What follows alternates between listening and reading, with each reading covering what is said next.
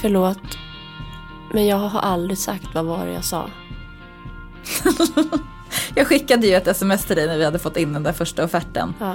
Fan Elin, du hade rätt. Allt kostar en halv miljon. Jävla skit.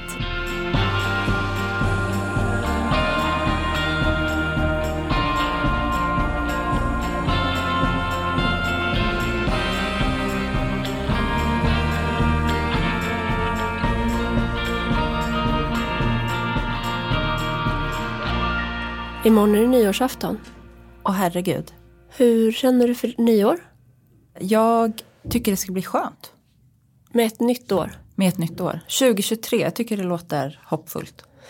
Det är ändå härligt tycker jag att man alltid känner så inför ett nytt år. Jag känner alltid det här blir bra. jag också faktiskt. Så kände jag väldigt mycket inför 2022. Ja, jag tror att jag faktiskt de senaste åren har känt mig lite förvirrad och sökande. Och nu känner jag som att jag har en riktning. Mm. Men det är väl ändå en positiv syn på livet.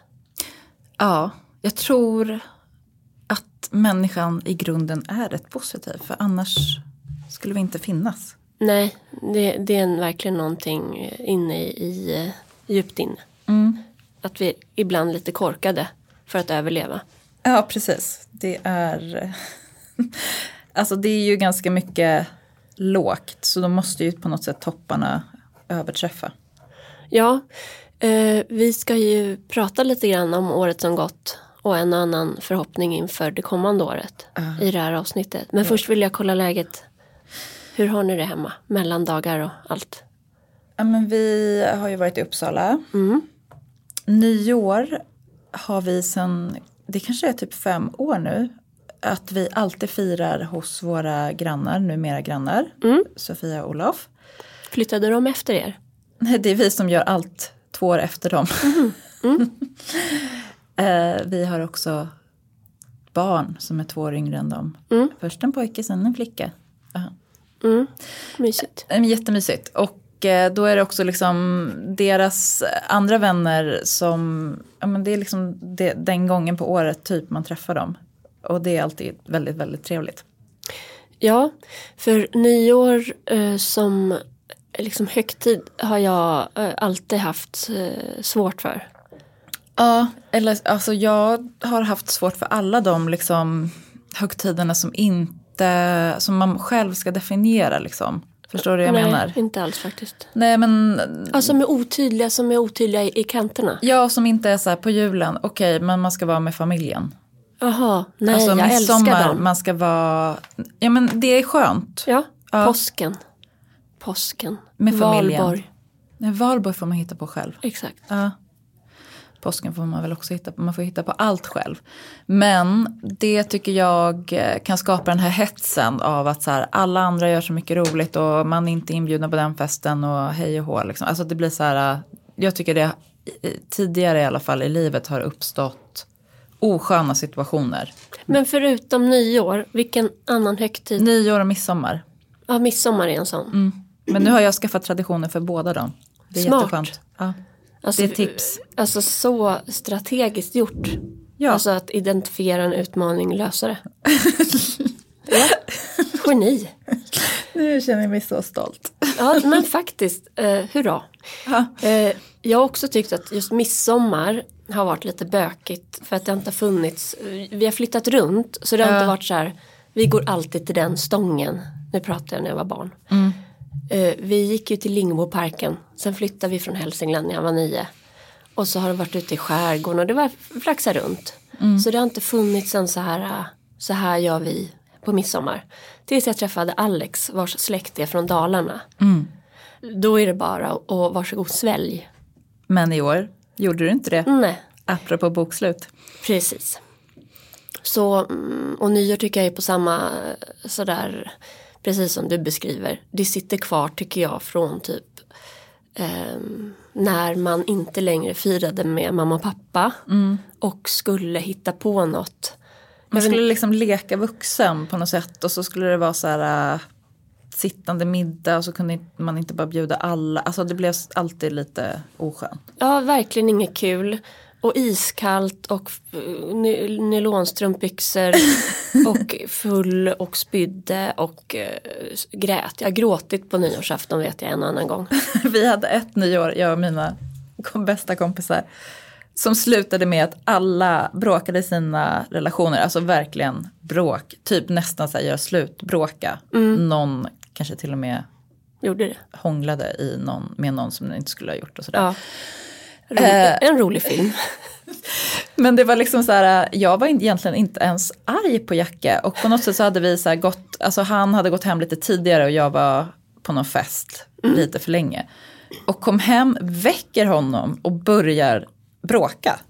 För att det liksom smittade av sig så hårt. Mysigt. Ja, alltså fy. Så, eh, men vi, nu, nu är det lite enklare när man, tycker jag, när jag har familj. Och har eh, liksom lärt mig att eh, nyår är bara en, eh, en dag bland många. Och man kan göra det lite högtidligt. Jag tänker att ni har sånt himla bra festhus. Och också så här, den här uteplatsen med brasan, att det är så perfekt att stå där vid tolvslaget. Ja, smart tänkt. Vi ska inte vara hemma. Okej, nästa år. Ja, vi är bjudna till kompisar från Alex från början. Ja, Och det ska bli härligt att bara komma till någon annan ja och vara det. Mm. gäst. Och de har också små barn. Det är inte så många som har det nämligen längre. Alltså av våra vänner. Ja, jag fattar. Så det ska bli mysigt. Vad ska du ha på dig? En, jag tror den där svarta klänningen. Malene Birger, Ja. by Malene Birger. Mm.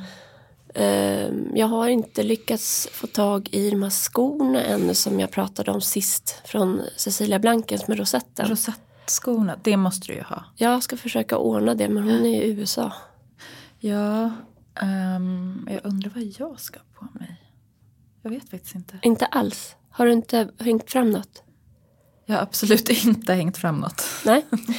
Eh, sexy tycker jag är nyårs. Det är kul att vara sexy. Ja, sexig, lite glittrig. eh, Fast du vet, jag känner ju alltid att jag måste vara lite cool. Alltså jag kan inte bli... Det är svårt att definiera exakt vad jag menar. Men, Too cool for school. ja. Jag förstår exakt. Det är inte alls svårt att definiera. Det är bara att titta på dig. Alltså sexy, fin men också eh, fuck off. ja, lite precis. Lite ogäst, otillgänglig. Ja, Ogästvänlig. ja. Eh, no, Aura. tres, no trespassing. fuck off. Gott nytt år. Exakt. Fuck Någon- off. ja, mysigt. Lite för konstig för att vara för alla. Ja, härligt. Där tror jag vi hittar varandra.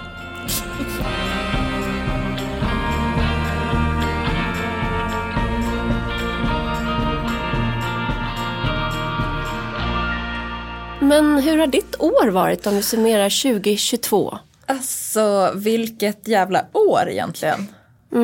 Om jag tänker att det var från första fe- februari som jag blev frilans som redaktör på halvtid för L Decoration. Från att ha varit liksom anställd hur länge som helst. Eh, Tio år typ. Tio år typ. Ja, nio år eller vad det blir. Det är tio år typ. Fortsätt. Och eh, stod med väl, alltså ett väldigt tomt år framför mig på något sätt. Ho, ho. Ja. ja. Och nu, och nu så, så avslutar jag året med ett väldigt liksom fullt år, eller vad man ska säga. Du fyllde upp 2022. Jag fyllde upp 2022. Det blev inte tomt. Nej. Nej. Eh, först så hade ju jag och Magda, vi har ju eh, vårt projekt Mattsson Manell. Mm. Eh, En gång till. Mattsson Manell. Så fint. Mm, vår design, vårt designföretag. Som lanseras Under Stockholm Design Week i februari. Åh herregud, jag blir så pirrig. möbelformgivare. Ah. ja, eh, Det är också läskigt, förlåt, men att ha typ liksom recenserat och skrivit om design och möbelformgivning under många, många år. Ja. Och så ska man sen göra det själv.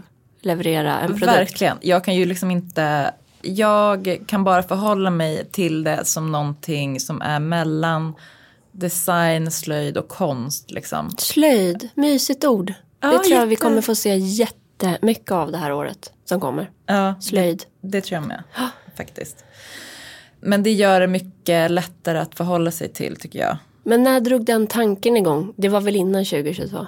Eh, Jag tror att idén när vi kände så här, vi ska göra inredningsdesign kom för typ två år sedan. För att förra, förra jullovet kommer jag ihåg att jag höll på att så här DMa med olika trämän på Instagram. Det finns en kille som heter Christer i Nävekvarn. Eh, Så då har vi under året som gått dels testat att göra lite inredningar. Och liksom Vad menar du med det? alltså hjälpt vänner med att inreda deras hem. Och insett att det är väldigt mycket familjeterapi som ligger i det jobbet. Kanske extra mycket om det är vänner, jag vet inte. Att det blir extra liksom. Men jag tycker att det, det kan bli så tydligt att eh, jag tror väldigt få människor liksom pratar igenom verkligen så här, vad vill de med sitt hem? Vad tycker de är snyggt? Utan det bara så här, blir ett mischmasch av något och så fattar man inte riktigt varför det skaver. Nej, om man drar det till sin ytterlighet så är det ju typ en renovering. Skojar ju folk om så här, om man överlevde den, alltså renoveringen eller ej eller om man skilde sig. Ja. Och där är det också ekonomisk aspekt i det men just att eh, tala om de här besluten och stå upp för vad man tycker eller kompromissa. Och Precis. det hamnar ni då i när ni Ja, ska göra och inredningar. Det var ju intressant. Eh, Men då kände vi ett tag, eftersom det här var ju också liksom något som vi gör vid sidan av allt annat, att eh, döda ting känns ju bra att jobba med. Inte människor. För tillfället i alla fall. Så vi eh, kontaktade ju vår nuvarande snickare Moa Brännström Ott. Och har liksom gjort i teorin en kollektion och i praktiken faktiskt några produkter nu. Och det känns helt sjukt. Mm, Alltså, eh, jag vill bara säga grattis att ni har gjort det. Ja, tack. Alltså, det, ja, men, det vet jag, tror jag, många som lyssnar nu. Från tanke till handling. Det är det som är den stora. Ja, verkligen. Gud, Wow. hur, må- hur många tankar har man inte så här, man borde göra si eller man borde göra så. Det är stort. Om man hade kommit på det här hade man varit miljonär. Fast det gjorde man ju inte. Nej, eller bara så här, så hade jag nog mått bättre för att jag, man mår bra av att förverkliga en del av sina idéer. Ja, verkligen. Men jag vet ju att ni ska ju lansera det här nu under Stockholm Design Week i februari. Känns, känns inte det asläskigt? Alltså, det känns nog faktiskt mer pirrigt än läskigt. Var det där en pirrsuck då? Ja, det pirrar på riktigt i magen. Ja, kul alltså. Kul och läskigt, skräckblandat, vad ska man säga? Jo men för det är ju någonting ehm, med att som du då till exempel har eh, recenserat och skrivit om design och formgivning under massa år. Att nu själv våga formge någonting och så ska det lanseras. Och man ska få tycka om det. Alltså, gud, verkligen, exakt så. Och eh, jag har tränat på det här under året genom att gå runt och säga att jag ska göra möbler Ja. till kända och okända män- människor i designvärlden. Och de bara, vänta, stoppa pressarna. Nej, absolut inte, det är bara för min Ja, egen jag vet, skull. jag vet, jag skojar. För det är så det är alltid. Man säger någonting högt och tänker bara, Hoho. och så Ja. är det ingen. Nej, och det är ingen som heller har varit, ja precis, alla bara, ja men gud vad kul. För ångesten är ju, designvärlden kan ju vara jäkligt trång och om man får säga det, bajsnödig. Mm. Och ganska mycket så här, äh, vem är du-känsla. Mm. Det kan den sända ut i alla fall. Sen tycker jag att den är liksom, när man väl är i den så, så kan, är den ganska varm och gosig ändå. Absolut. Men... Och när där- det går dåligt för dig, då är den varm och gosig. Men när det börjar gå för bra, då blir det svalt. Åh nej. Men jag... Du bara, fuck, det kommer gå så det jävla kommer gå bra. så jävla bra. Direkt. typ. Typiskt. Det måste ju gå bra. Ja. Eh, men jag kan liksom inte förhålla mig till det vi gör som eh, renodlad design. Alltså jag vill inte befinna mig i designspektrat riktigt utan då... Det är så roligt att du tror att du kan välja. Jag är inte influencer. Men vad då influencer är man ju om man tar betalt för sina sociala kanaler och det gör ju inte jag. Det är väl vad andra uppfattar den som också, som spelar in. Jag tycker att i influencerbegreppet så finns det någonting om att man, man får betalt för det. Annars är man en inspiratör. Men hur som helst. Du är heller ingen formgivare i alla fall. Utan du... Jo, jag är en formgivare. Men jag kan bara förhålla mig till det genom att se det som en mix av liksom design, slöjd och konst. För att göra det lite mindre pretto då.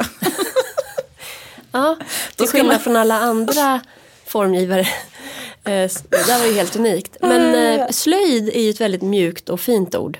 Ja, men jag älskar det. Och det tror jag vi kommer få se mer av. Det känns så snällt och det känns så inkännande och det känns så liksom naturnära. Ja.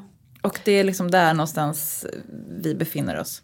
Vad roligt. Mm. Så det var en höjdpunkt från 2022. Ja, ja, Det finns ju jättemånga höjd... Alltså det här är ju det som är så bra med att göra bokslut. Att, I vissa år i alla fall. Men liksom du vet man bara harvar på, harvar på, känner att man liksom befinner sig i någon jävla lera och aldrig kommer någonstans. Och sen så inser man att så här, oj shit här sitter ju du och jag och pratar. Det gjorde vi inte för ett år sedan.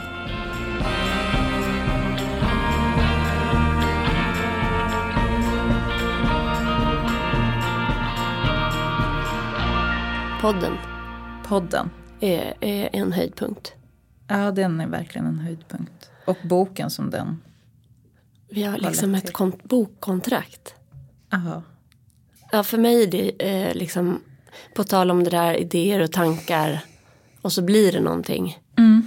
Ehm, så är ju egentligen det här bokkontraktet som resulterar i en fysisk bok som lanseras under nästa år. Det går ju att hålla i. Ja. Så Verkligen. det är med på min topplista, verkligen för 2022. Men vart befann du dig? Vi kände ju inte varandra riktigt för ett år sedan. Vart, vart befann du dig eh, i januari 2022?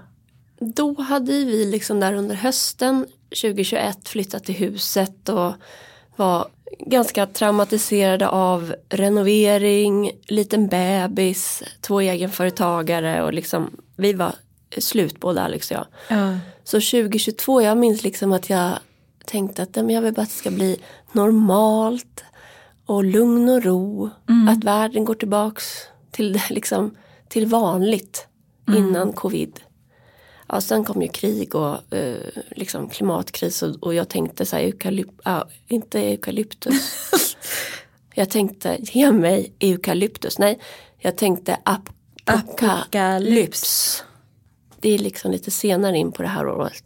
Men i Ja, gud. januari så, så eh, hade jag inte målat upp så här jättestora eh, liksom var inte stora penseldrag för året utan nu puttrar det på. Jag fyller 40, jag känner att jag har eh, äntligen blir jag den ålder jag är. Det här blir nog, det här blir bra. Det är så konstigt att man liksom satt i eh, sin lilla karantänbubbla för ett år sedan. Jag kommer ihåg, vi fick ju typ covid i min familj på min 40-årsdag 23 januari. Jag satt inte i någon bubbla förra året. Vi Varför inte? jul med släkten. Ja, man kunde ju fira jul med släkten men det Ja. var ju fortfarande liksom att de hade dragit åt igen. Svångremmen. Svångre, Folkhälsomyndigheten hade ändå varit ute och hytt med näven. Det kan vara att jag struntade i det. Nej men man minns inte. Nej.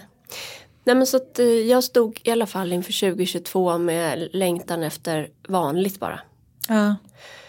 Ehm, och sen kom ju Design Week, det puttrade på med jobb. eh, Det blev förändringar eh, liksom på Svenskt Tenn. Där jag såg att ja, men nu har jag varit konsult här i fem år. Det här kommer ju bli att de vill anställa någon. Började fundera på vad jag själv vill. Ja. Jobbade som ett as. Alltså jobbade väldigt mycket. Ehm, och det blev, var inte så lugnt eh, så som jag hade tänkt det. För ni hade ju fortfarande Olle hemma då, eller hur? Mm. Han började i augusti. Ja. Så han var hemma, båda drev sina företag. Och jag slutade sova. På natten. Usch. Eh, Och det var nog då jag märkte så här. Nej men nu, jag vet att jag nämligen på morgnarna då kände att nu äter jag liksom på mitt skelett. Usch. Istället för, eh, jag har alltid kunnat köra på. Alltså, eh, jag vet att eh, det uppfattas som att jag gör jättemycket och jag är jätteintensiv på Instagram och en och annan blir provocerad av det kanske och då tänker jag sluta följ mig. Eh, jag tycker det är roligt men jag vet, jag har en enormt hög kapacitet av vad jag kan göra. Och så länge jag får sova typ så har det gått att leva så. Men nu var det som att jag hade initierat en, alla grejer jag hade initierat, alla djur och, och barn och projekt och så. Jag klarade inte av att leverera på det eftersom jag inte längre sov. Usch. Alltså det är en mardröm att inte sova. Det är verkligen det mest fruktansvärda. Ja, och det var ju, det är ju som den här bägaren som får, alltså droppen som får bägaren att rinna över. Ja. Så då kraschade ju jag där. Eh, Det är lite grötigt för vi hade ju också så här fest och du vet en massa hemma hos-reportage. Och jag gick Det var runt, ju det var ju alltså precis. kolsvart inne, jag skrattar nu. Ja. Men allt sånt här är ju ganska roligt i efterhand. Tycker jag. Alltså när man ser, eller det är intressant i efterhand. När jag summerar det här året. Så har det både varit enorma höjdpunkter och eh, riktiga dippar. Um, ja, en sån, det är, jag kommer ihåg ett ögonblick när Stellan Herner är hos oss och ska fota för, eh, vad var The det? Guardian? Nej. Nej, Sunday Times, Financial Sunday Times, Times. Ja. brittisk tidning. Um, och eh, han kommer, det här är en toppen eh, fotograf. Och har inte med sig någon stylist. Så jag frågar lite så här, ah, vem är stylisten? Han bara, nej men de sa att det inte behövdes för du är så bra på det. Ehm, och då hade som, det var någon så här, barnen var, Ingrid var hemma med kompisar, Iva var hemma med kompisar, Olle var hemma. Eh, och vi skulle fota hemmet. Och de hade snöat in sig, Sunday Times, de hade snöat in sig på våra kaniner. Så de Jaha. skulle också vara med mycket Ja. i bilder. Så det slutar med att jag liksom är både mamma hemma med alla barnen Ja. och ska vara stylist till en jättebra fotograf. Eh, Och kaninskötare. och kaninskötare. Och då ska jag sitta med alla kaninerna eh, ute ja. och de bara hoppar runt. De ska ju vara lösa, det ska vara så skön stämning. De bara far runt. Och jag har så kläder från by Marlene Birger på mig. Jag vill hylla skandinavisk formgivning. Det är bara svettigt och varmt. Stellan försöker fota de här bilderna. Och precis som med Fanny Rådviks bara le genom ögonen, se glad ut. Och det var liksom kolsvart innanför. Och precis när jag sitter där då ringer Ingrid och storgråter. För då har de åkt iväg och skickat iväg dem för att äta pizza. De har kraschat med cykeln. Nej. Så, och det bara blod. Eh, ja men det var så här, eh, nej men nu har jag kört in i kaklet tror jag. Och det sjuka är att när man tittar på de där bilderna. Det är en lycklig kvinna man ser där. Det är obehagligt. Ja, och sen hade vi fest. För 150 pers. Och sen ställde jag in midsommarafton. Och var hemma. Eh, en sak som du inte har nämnt som hände i våras var ju ändå en ganska livsomvälvande sak för dig. Mm, att min brorsa dog. Nej, att du fick, alltså det såklart också. Men du fick ju en diagnos. Precis. Det var många droppar i bägaren. Alltså för jag sov inte. Och sen ringde ju eh, telefonen och så stod det brors fru Camilla och så berättade hon att han var död. Eh, så jag åkte iväg på den där begravningen och så. Karl-Henrik som han hette, vi växte inte upp tillsammans men vi har samma pappa. Så han växte upp med sin mamma och jag växte upp med då min pappa och min mamma. Ehm, och sen i eh, vux, alltså jag var 18 kommer jag ihåg och höll på att träna, körde spinning mycket. Och han dök upp i mitt, eller i pappas liv, han ville liksom, uh, han var ju den, han är några år äldre än jag. Mm. Och han behövde väl ta reda på vem han var och varför det blev som det blev, varför de inte hade relation och sådär. Och då under flera år så var liksom mellan jag är 20 och, och typ 35 kanske, 34. Mm. Då hade vi liksom kontakt löpande. Så un, un, under liksom de åren fick vi en relation och sen har vi hörts sporadiskt fram och tillbaks.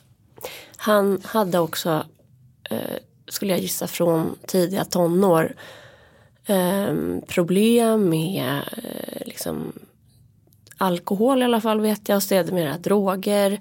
Mm. Hade det tufft eh, och jag skulle gissa att han utifrån min egen erfarenhet och vad jag har lärt mig eh, självmedicinerade på något sätt eh, för att må bra. Ja. Um, han fick barn och uh, familj och fru och gifte sig med en fantastisk kvinna. Och sen till slut så fuckade han upp det där och så skilde de sig. Och under flera år då liksom hade inte vi kontakt heller. Han var liksom borta? Han fanns, alltså, uh, han fanns liksom inte i mitt liv. Nej. Det blev, när vi hördes via sms eller det blev liksom Det var trasigt, han var på botten. Um, så när uh, det här samtalet kommer och jag får veta att han är död så var det ju uh, en chock. Men jag trodde naivt så här, men vi har ju ändå inte hörts på uh, sju år. Ja. Så det är ingen stor skillnad. Och sen körde jag ner till Helsingborg och begravningen eh, med mina föräldrar och eh, hade som plan sova en natt, gå på begravning och sen köra upp till stan, Stockholm direkt för att jag skulle ta uh, Ivar och hans kompis på en aktivitet. Just det. Och varför jag beskriver det här i detalj är väl för att det var en, viktig, en stor grej för mig mm. under det här året. Därför att när jag satt där i kyrkan och såg pappa liksom var ledsen och jag var otroligt ledsen och grät och grät och grät och grät. Och den här eh, begravningsförrättaren pratade om min halvbror. Och det var som att, alltså vi, jag nämndes inte, min pappa nämndes inte. Utan det var hans mm. nya familj och extra pappa som nämndes och syskon och sånt. Mm. Så kändes det väldigt märkligt att det bara titta på mig och Karl-Henrik. Mm. liksom, eller på pappa för den delen. Mm. Så det där blev eh, mycket eh, större än vad jag förstod själv.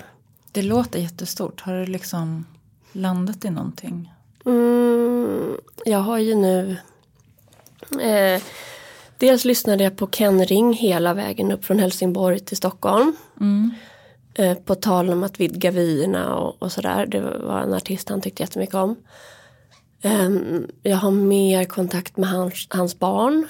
Nej, det, jag tror att det det har lärt mig är eftersom jag själv sen, sen alltså fick diagnos i samma veva, ADHD. Mm. Så har jag, det finns någon skuld typ hos mig. Jag har en, en till halvbror som också, uh, Gilbert heter han, han fyllde 50 här uh, i december. Mm. Um, han har eh, mår liksom inte toppen. Han har lite tvångstankar och, och sådär. Så han, men han har träffat en tjej och är kär och för första gången mm. i sitt liv och bor um, ja, liksom har en sån här gemensam aktivitet. Den går ett ställe till där i Norrtälje. Men jag har alltid känt någon typ av skuld gentemot de här två halvbröderna. Att det gick så bra för mig. Mm. Och vad konstigt att båda de hade till exempel ADHD. Ja. Eh, och att jag inte hade, fick det. Har jag tänkt. Mm. Så då eh, så var det som en pusselbit ungefär. Jag, jag minns inte exakt datum för allt det här hände typ samtidigt. Men jag sitter på en middag i alla fall. En jobbmiddag. Och så har jag Amanda Schulman bredvid mig som efter fem minuter säger Du har aldrig funderat på om du har ADHD. Vad var det då hon såg då på de där fem minuterna? När vi det jag minns är att vi pratade om vänskap och vänskapsrelationer. Att det kan vara komplicerat. Och eh, vi pratade om tjejer i grupp och sitt gäng och sånt där. Så det var inget som jag tänker som typ typiskt ADHD-aktigt. Men ja, det kan ju vara det också. Jag tänker att är inte en del av problemet att allt som är typiskt ADHD-aktigt också är baserat på forskning på män Och pojkar. Och pojkar. Ja, och, och också det vi sprider vidare är stereotypa förutfattade meningar om vad det är. Precis, verkligen. Men eftersom hon också har då ADHD-diagnos och har fått det och sa det på ett sånt sätt som var helt liksom, jag tror en annan skulle kunna blivit kränkt. Vi kände ju inte varandra då. Eh, så kände jag bara, fan vad skönt att hon säger det. Jo men det kanske jag har. Jag, jag har, vet att jag har frågat Alex många gånger. Tror du jag är helt normal? Alltså tror du inte att jag, är det inte något jag har? Och han bara, så där känner alla. Du är typ den mest normala jag känner. Så han är liksom, det är inte hans fel alltså. Utan, men det, jag menar att eh, jag, har, jag har klarat mig så himla bra och hittat massa strategier. Så det där som då kan eh, summeras i en diagnos eh, har liksom kamouflerats på något sätt. Men nu blev det väldigt mycket prat om det där. Men jag gjorde då en utredning.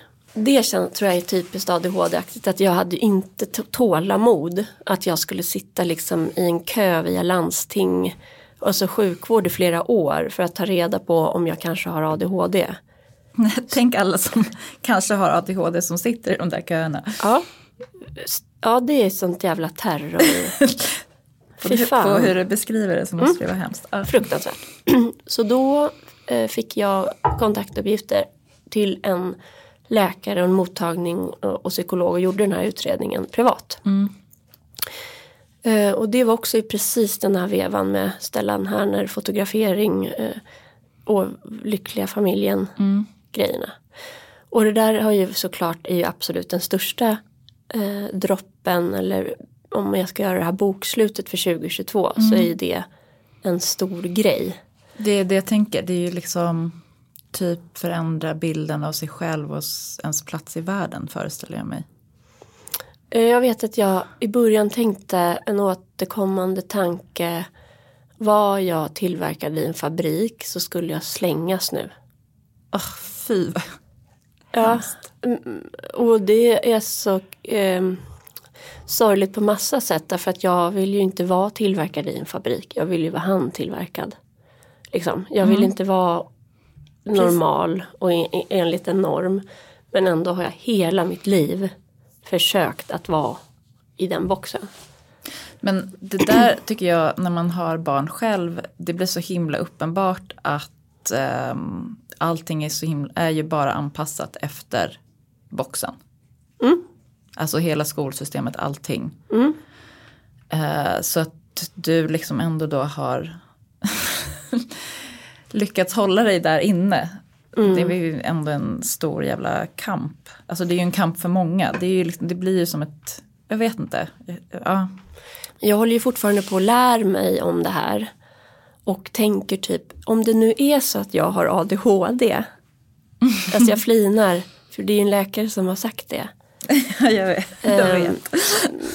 Men det, är, det, det handlar om flera saker. Dels så vet jag inte vad jag tycker om alla dessa diagnoser som sätts. Eller också det här uttrycket nu, alla dessa. Jag tror så här. Att det har ökat antalet diagnostiseringar av ADHD.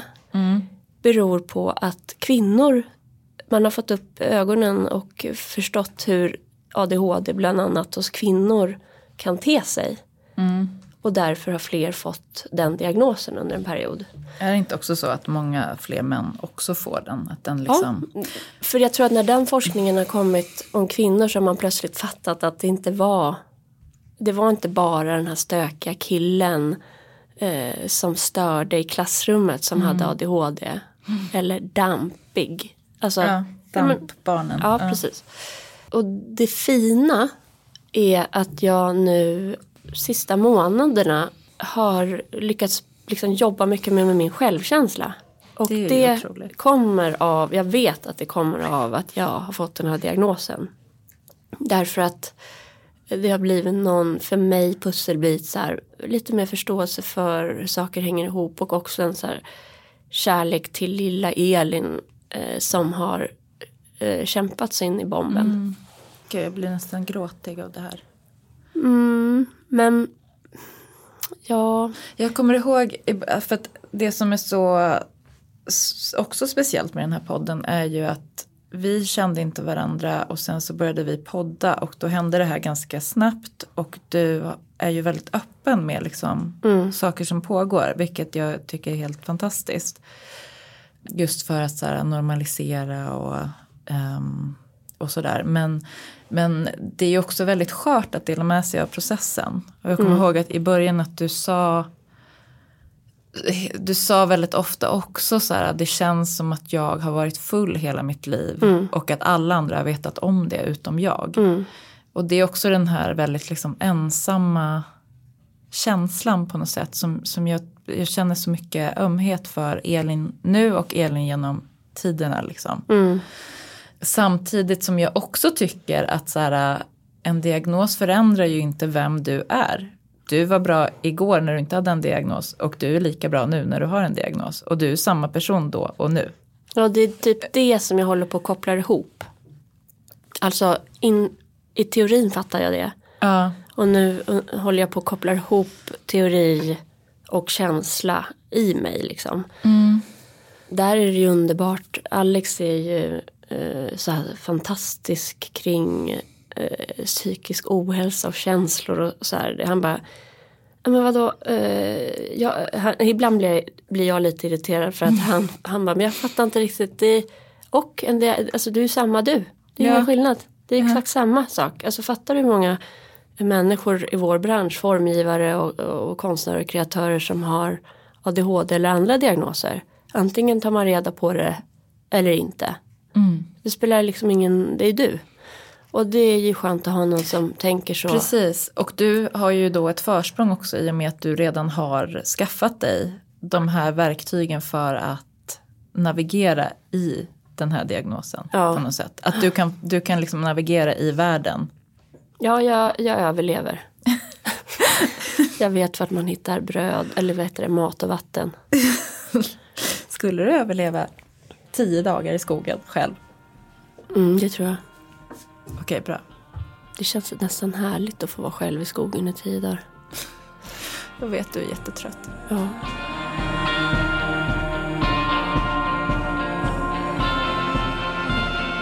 Jag eh, som också håller på och nystar i så här, vad är självförtroende, vad är självkänsla, hur mycket av min självbild bygger på att jag presterar etc. etc. Undrar om du kanske vill berätta lite mer om, om den här självkänsloprocessen som du är i. Ehm, det här självkänsla och självförtroende. Det har jag ju tänkt på länge, länge, länge.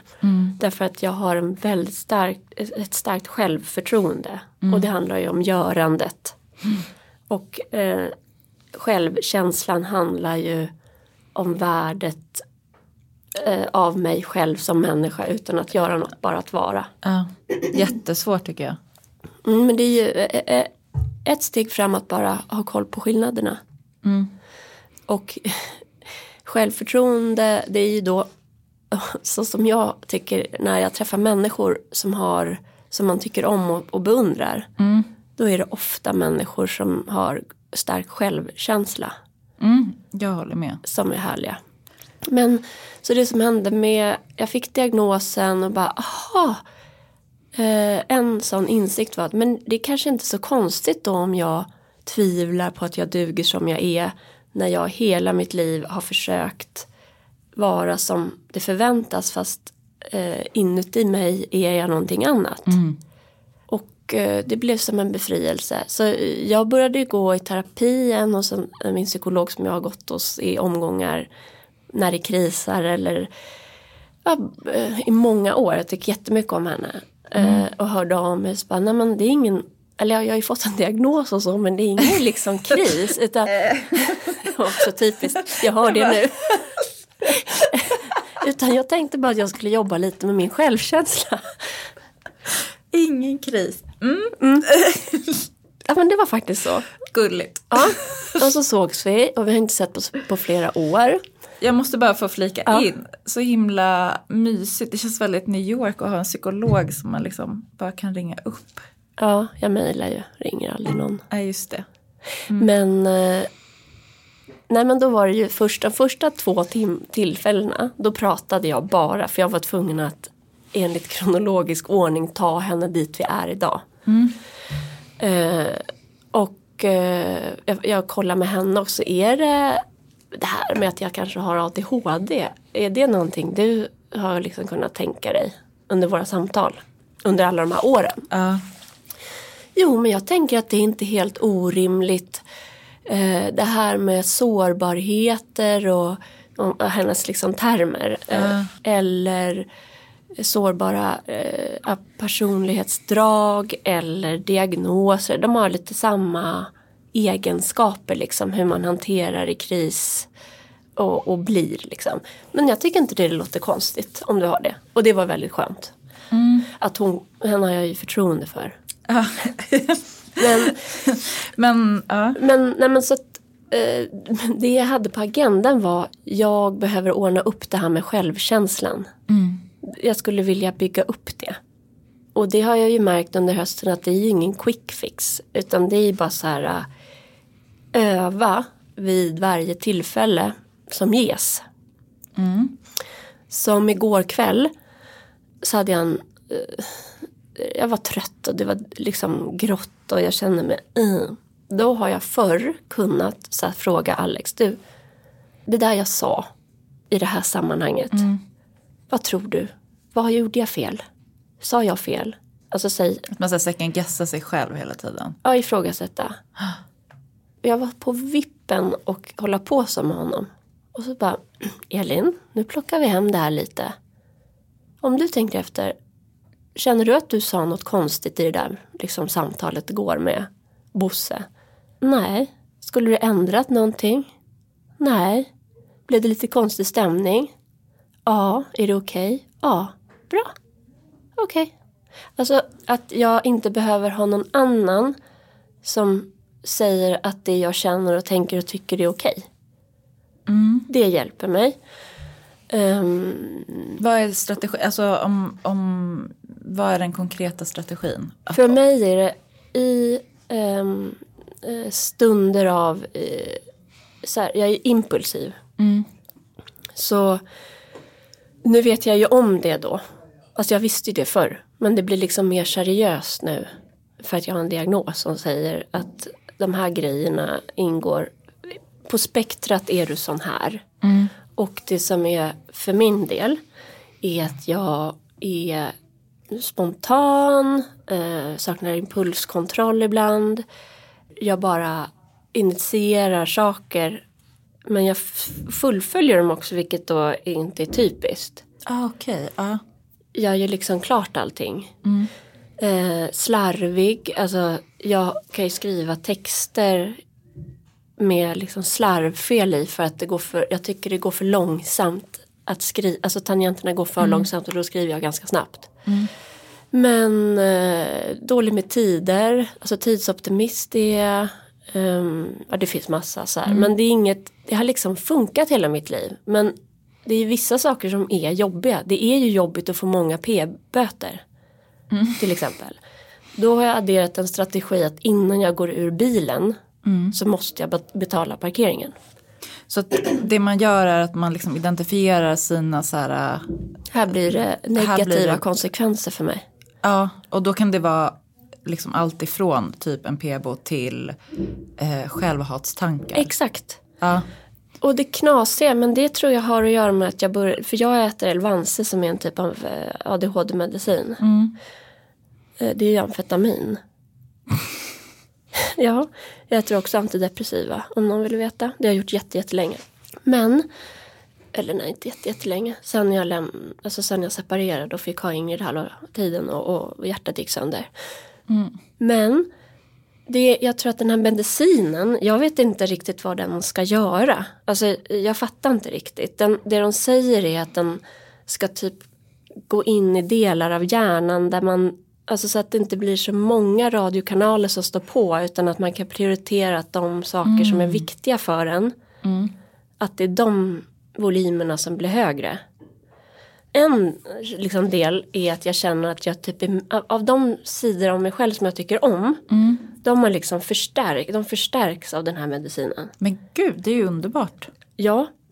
Och eh, typ självhatet. Jag vet inte om jag har medicinerat bort det då. då. Men, Eller terapiat bort det. eller terapiat bort det. Men det dyker liksom inte upp längre. Och det är typ, jag skrev om det här innan jul. Men på tal om att eh, vara öppen och sådär. Men eh, det är för få, alltså jag har haft för få referenser som liknar mig i att både då mm, man lyckas yrkesmässigt och få familj och sånt och har en diagnos. Alltså det är för få sådana som jag har kunnat känna igen mig och därför så är jag öppen. Ja, men jag tycker det är det. topp. Jag tycker verkligen det är jättebra. Men Så länge liksom det är på dina villkor och det är det ju i dina kanaler. ja, men det känns som att ibland kommer jag på så men just det eh, det fanns en tid när jag typ så fort de gånger det liksom jag stöter på utmaningar, alltså lite större. Det, det, jag är ju verkligen ingen som ger upp snabbt eller, utan det är bara upp i sadeln igen. Men när det blev lite större grejer eller jag blev ledsen eller så. Då gick tankarna liksom var styrda till att slå ner på mig själv jätte, jätte, jätte, jättemycket. Och nu gör de inte längre det. Det är som att jag programmerat om mitt kretskort. Det är ju fantastiskt. Det är skönt. Och det kanske är en kombo. Och det är samma med att, eh, för det brukar alltid då resultera i att jag också ifrågasätter min kropp. Ehm, Att, oh shit vad jag har tjocka lår, ridbyxlår eller gud magen är degig eller och så ska det stramas åt för det kan, man, kan jag kontrollera. Alltså nu låter det här som typ en ät eller kroppsstörning. Och det tycker jag nog att det är när så pass mycket liksom tank, var, om varje dag, om du tänker på din kropp varje dag på något sätt. Så, på ett sätt som inte är positivt så är det en störning alltså i fokus om inte annat. Alltså det, det är liksom det är onödigt. Och eh, jag känner typ ingen kvinna som inte håller på sådär. Och för egen del så har jag känt att eh, jag är så jävla trött på det. Och det är bara tyst.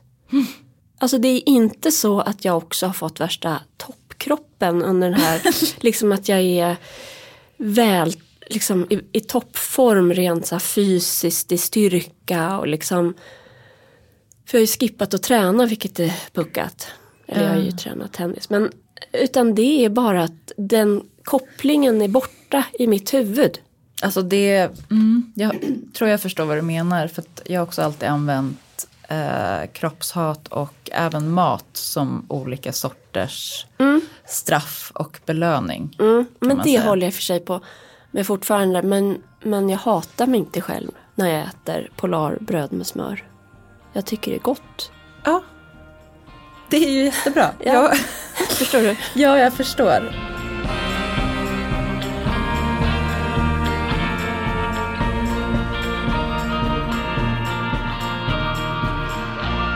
Jag har faktiskt blivit väldigt, väldigt mycket snällare mot mig själv. Både när det gäller det och...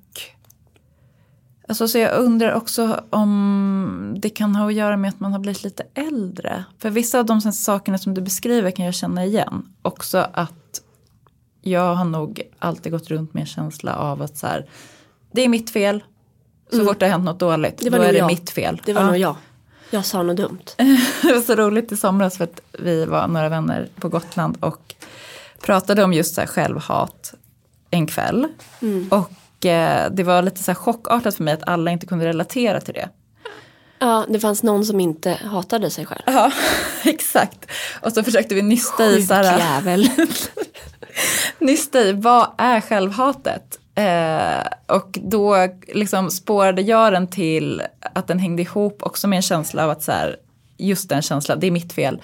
Oj, det är nog jag som har gjort något. Jag, jag måste ha, det, det här måste jag ta ansvar för. Liksom, och, sådär. 100 procent. och den vännen var så här, hon bara, gud, nej så har jag aldrig känt. Jag känner alltid, nej, det är inte mitt fel, det där är det någon annan som har gjort. Det där ligger hos dig. Ja, jag kände liksom bara så här, men gud, vilket underbart liv. Eh, Där är jag nu. Grattis till alla er som är på den sidan. Ja, men, eh, små steg i taget. Ja, precis. Sen vill man ju liksom inte tippa över för mycket Nej. och bli en psykopat. Men det är ju varken du eller den här Nej men och tipp, tippa över för mycket handlar ju också i mitt fall om att jag vill inte bara vara ADHD-Elin nu. Bara Nej. för att jag kommunicerar kring det. Och det är ju ingen annan som eh, jag hör det av. Men det har varit en tanke så här att då är jag hon. Alltså den liksom. Ja, Men eh, nej, jag vet inte. Jag tuffar på. eh, där tänker jag att det är precis samma sak som med att jag går runt och tränar på att säga att jag ska göra möbler. Mm. Alltså att ja, folk är så här, aha, men gud vad bra för det, alltså good for you. Ja men du vet, i, i Och somras. att det är samma sak som man bara, men gud, eh, hur mår du? Mm. Vad bra att du har fått en diagnos eller hur är läget? Alltså att det är liksom, Ja, är du förkyld i huvudet? Men, ehm, ja, men, nej, men det är många jag har träffat, vuxna och sådana som liksom hör av sig och bara, gud vad skönt att du är öppen om det här. Eh, de bara, jag har helt klart ADHD, eller jag, har, jag, jag tror det. Och mitt barn har det, vi har gjort en utredning. Och, eh, alltså, det, så många sådana runt omkring mig också. Jag, alltså jag också, kvinnor i vår ålder. Mm. Eh, många formgivare faktiskt. Inte Alex, men annars. Så här, jag är ju i den världen och träffar så här, kreativa personer som bara, helt klart, 100 procent. Och också har jag tänkt på det här med att eh, kanske jobba då som frilans eller som egen och så. Att man kan, då kan man styra, om man, har, om man inte har ett jämnt flöde av energi och sådär. Exakt. Så kan det ju vara svårt att liksom gå in i den här 9 5 boxen. Som jag då har gjort eh, hela mitt liv fram tills jag startade eget. Precis, och för det har, ju, det har ju faktiskt också varit något som vi har pratat om under året. I och med att det har varit så här förändringar med din största uppdragsgivare och så. Och att du har varit så otroligt bestämd på att du inte ska ska in i liksom 9 5 boxen. Nej, nej, men, nej men precis. Jag vill inte bli anställd. Då, då får det vara tack och hej. Och det är ju Utan liksom, att vara dryg. Det här är bara, det är en överlevnadsgrej. precis, och då är det i en tid när räntorna går upp och elpriserna går upp, det är krig, det är klimatkris, det är allt möjligt. Så, så krävs det ju att, alltså trygghet skulle ju kunna vara ganska lockande för väldigt många. Så Verkligen. att drivkraften att, att man inte klarar av den situationen måste vara väldigt stark tänker jag. Ja, men jag kommer ihåg eh, när jag var anställd eh, som marknadschef på Co-design, en arkitektbyrå. Att jag typ kände panik. Alltså, särskilt att sitta i så här öppna kontorslandskap. Eh, med att folk kommer och typ ursäkta du, eh, har du bara en sekund? Eller jag kunde sitta, jag satt med så här Bamse-stora hörlurar som nu. För att markera upptagen. Och ändå kom folk och pekade på mig. Eller jag såg saker, vad gör de där bak- alltså, Och att nu måste jag sitta här timme efter timme efter timme. Och annars tror folk att jag inte arbetar. Men, Men- sen måste du typ gå hem och göra ditt arbete på kvällen. Ja, få för att jag bara alltså in i huvudet. Och att det var så skönt när jag sa upp mig och bara nu vill jag göra på det här sättet. Jag kommer komma och gå hur som helst. Ni kommer aldrig undra om jag jobbar tillräckligt. Utan utvärdera det jag eh, liksom levererar. Ja. Men om jag liksom gör det mellan fem på morgonen och eh, lunch eller liksom vilka tider, timmar. Det behöver ju inte du bry dig så mycket om. Så länge jag levererar. Det är väldigt skönt. Mm, så, och en annan positiv grej kanske ja, men självkänslan är väl största. Men det är just eh, det här att jag skriver. Alltså att vi ska ge ut boken och att jag håller på med den här romangrejen. Och det är saker som Elin, nio år, när min lågstadielärare Gunilla, hon lät mig få hålla, hon fattade nog det här kanske. Men jag fick ta över ett förråd på skolan, Drottningdals skola, och bygga en redaktion där för att göra skoltidningen. Mm, mysigt. Och hon hjälpte mig också in med någon så här prao fast vi var för unga så jag fick vara med på ABC-nyheterna. Hon var du, för att jag tyckte om att skriva. Så här, jour- Journalistförfattardelen har alltid varit jättestark. Men jag har ju varit så här, eh, nej men man ska utbildning nu, tjäna pengar, klara sig. Och att nu då skriva den där boken, att eh, ha disciplinen att komma, att sätta sig ner och göra det och fortsätta. När jag allt, alltså jag har så många halvfärdiga manus.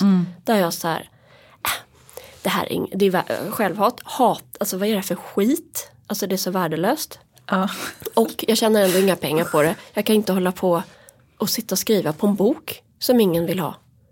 Alltså de där rösterna är liksom borta. Jag bara, ja ja men jag tycker det är kul. Ja. Det, det är en jävla, Gud, Så- vilken... ja alltså det blev ju inte lugn och ro 2022. Det känner jag inte. Men eh, jag vill väl inte ha det ogjort. Tror du att du verkligen vill ha lugn och ro då? Nej, aldrig, alltså det går, eller det går, jag kan inte. Nej. Jag tycker det vore kul att testa på det här med att förvalta. Ja. Lite grann. Och det har jag känt. Det är ju en av anledningarna till att vi nu under nästa år eh, inte ska åka någonstans under sommaren. Just det. Jag vill bara vara hemma i vårt hus med vår trädgård. Mm. Så mysigt. Kan du ha lugn och ro? Jag tror att jag kan ha så här äh, perioder av att stänga av saker. Men sen så tror jag inte heller att jag riktigt kan det. Nej, men det där med stänga av tror jag är en nyckel då. För att det, det skrev eh, Cecilia eh, på Instagram innan jul minns jag. När man gjorde, Silja Blanken. som Ja. ja. att nu har hon aktivt bestämt sig. Från och med idag och två veckor fram så ska jag chilla. Och hon skrev det på ett sätt så här att det är liksom det kommer inte naturligt kanske för henne utan hon måste så här, ja men nu gör jag det. Och ge godkänt till det. Eh, och det känner jag igen mig i. Att, och det är det jag håller på med nu under julen. Liksom. Och ledigheten att lite grann chilla. Samtidigt som vi ska skriva klart en bok. Mm. För jag har ju som du haft författardrömmar alltid. Och också jättemycket så här, äh, ångest kopplat till det då. Du vet, den här generationsromanen. Lev aldrig av. Nej. Eh, och då känns det så härligt faktiskt att sitta och så här mysskriva på en bok. För så tycker jag det är med våran bok nu. Dels att man är två så att det är så här, allt vilar inte på ens egna axlar. Och sen så är den ju eh, strukturerad eh, ja, i mindre delar.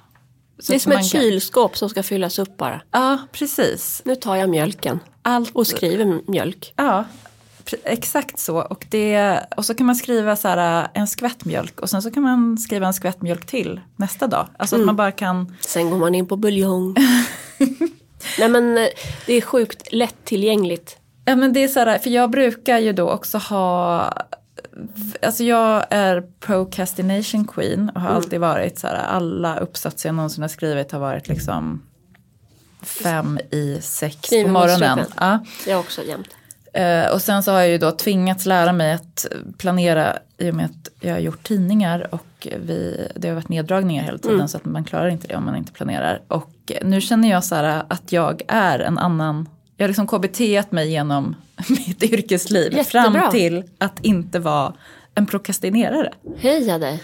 Eh, och det är en helt ny eh, upplevelse. Att göra någonting lustfyllt under tiden utan att ha kniven mot strupen. Hur gör du det? Jag vet inte. För med bok, eh, Hemtrevligt-boken. Nu har, eh, innan jul särskilt och nu också här efter. Men så märker jag att jag går som katten kring het gröt. Jag, det här brukar prokrastineringen är ofta sånt som jag vet att jag har lätt för. När jag gör det. Mm. Det är inte det jag liksom har svårt för. pressmeddelanden, jag vet inte hur många gånger jag gör det en sekund innan det måste vara klart. Fast jag vet exakt, hur, alltså det kan jag göra i sömnen. Långa, mycket innehåll. Nej men eh, jag håller liksom på med det. Vad är hur gör du för att bara så här, nej men nu. Jag har liksom alltid fliken uppe, vi skriver ju Google Doc. Ja. Jag har det alltid uppe. Ja. Så jag kan bara plocka fram datorn och hoppa in där. Och nu har jag börjat känna att det är lite hemtrevligt där inne. Ja. Bland de här olika styckena. Det var skönt när Anna hörde av sig där och skrev att det var så himla bra. Och att vi hade gjort så mycket redan. bara, Tycker du? Bra. Men, eh, men, Anna är då vår redaktör. Men andra saker då eh, som är mer liksom kvittoredovisning till exempel. Äh gud. Där har du inte kommit fram i mål. Nej, så att, eh, jag tror första steget då är att göra det lustfyllda. Utan att prokrastinera. Det här hjälper inte en person med ADHD. Sen, nej men liksom, Jag vill bara göra sånt som är kul. Ja men du gör ju inte det heller. Nej.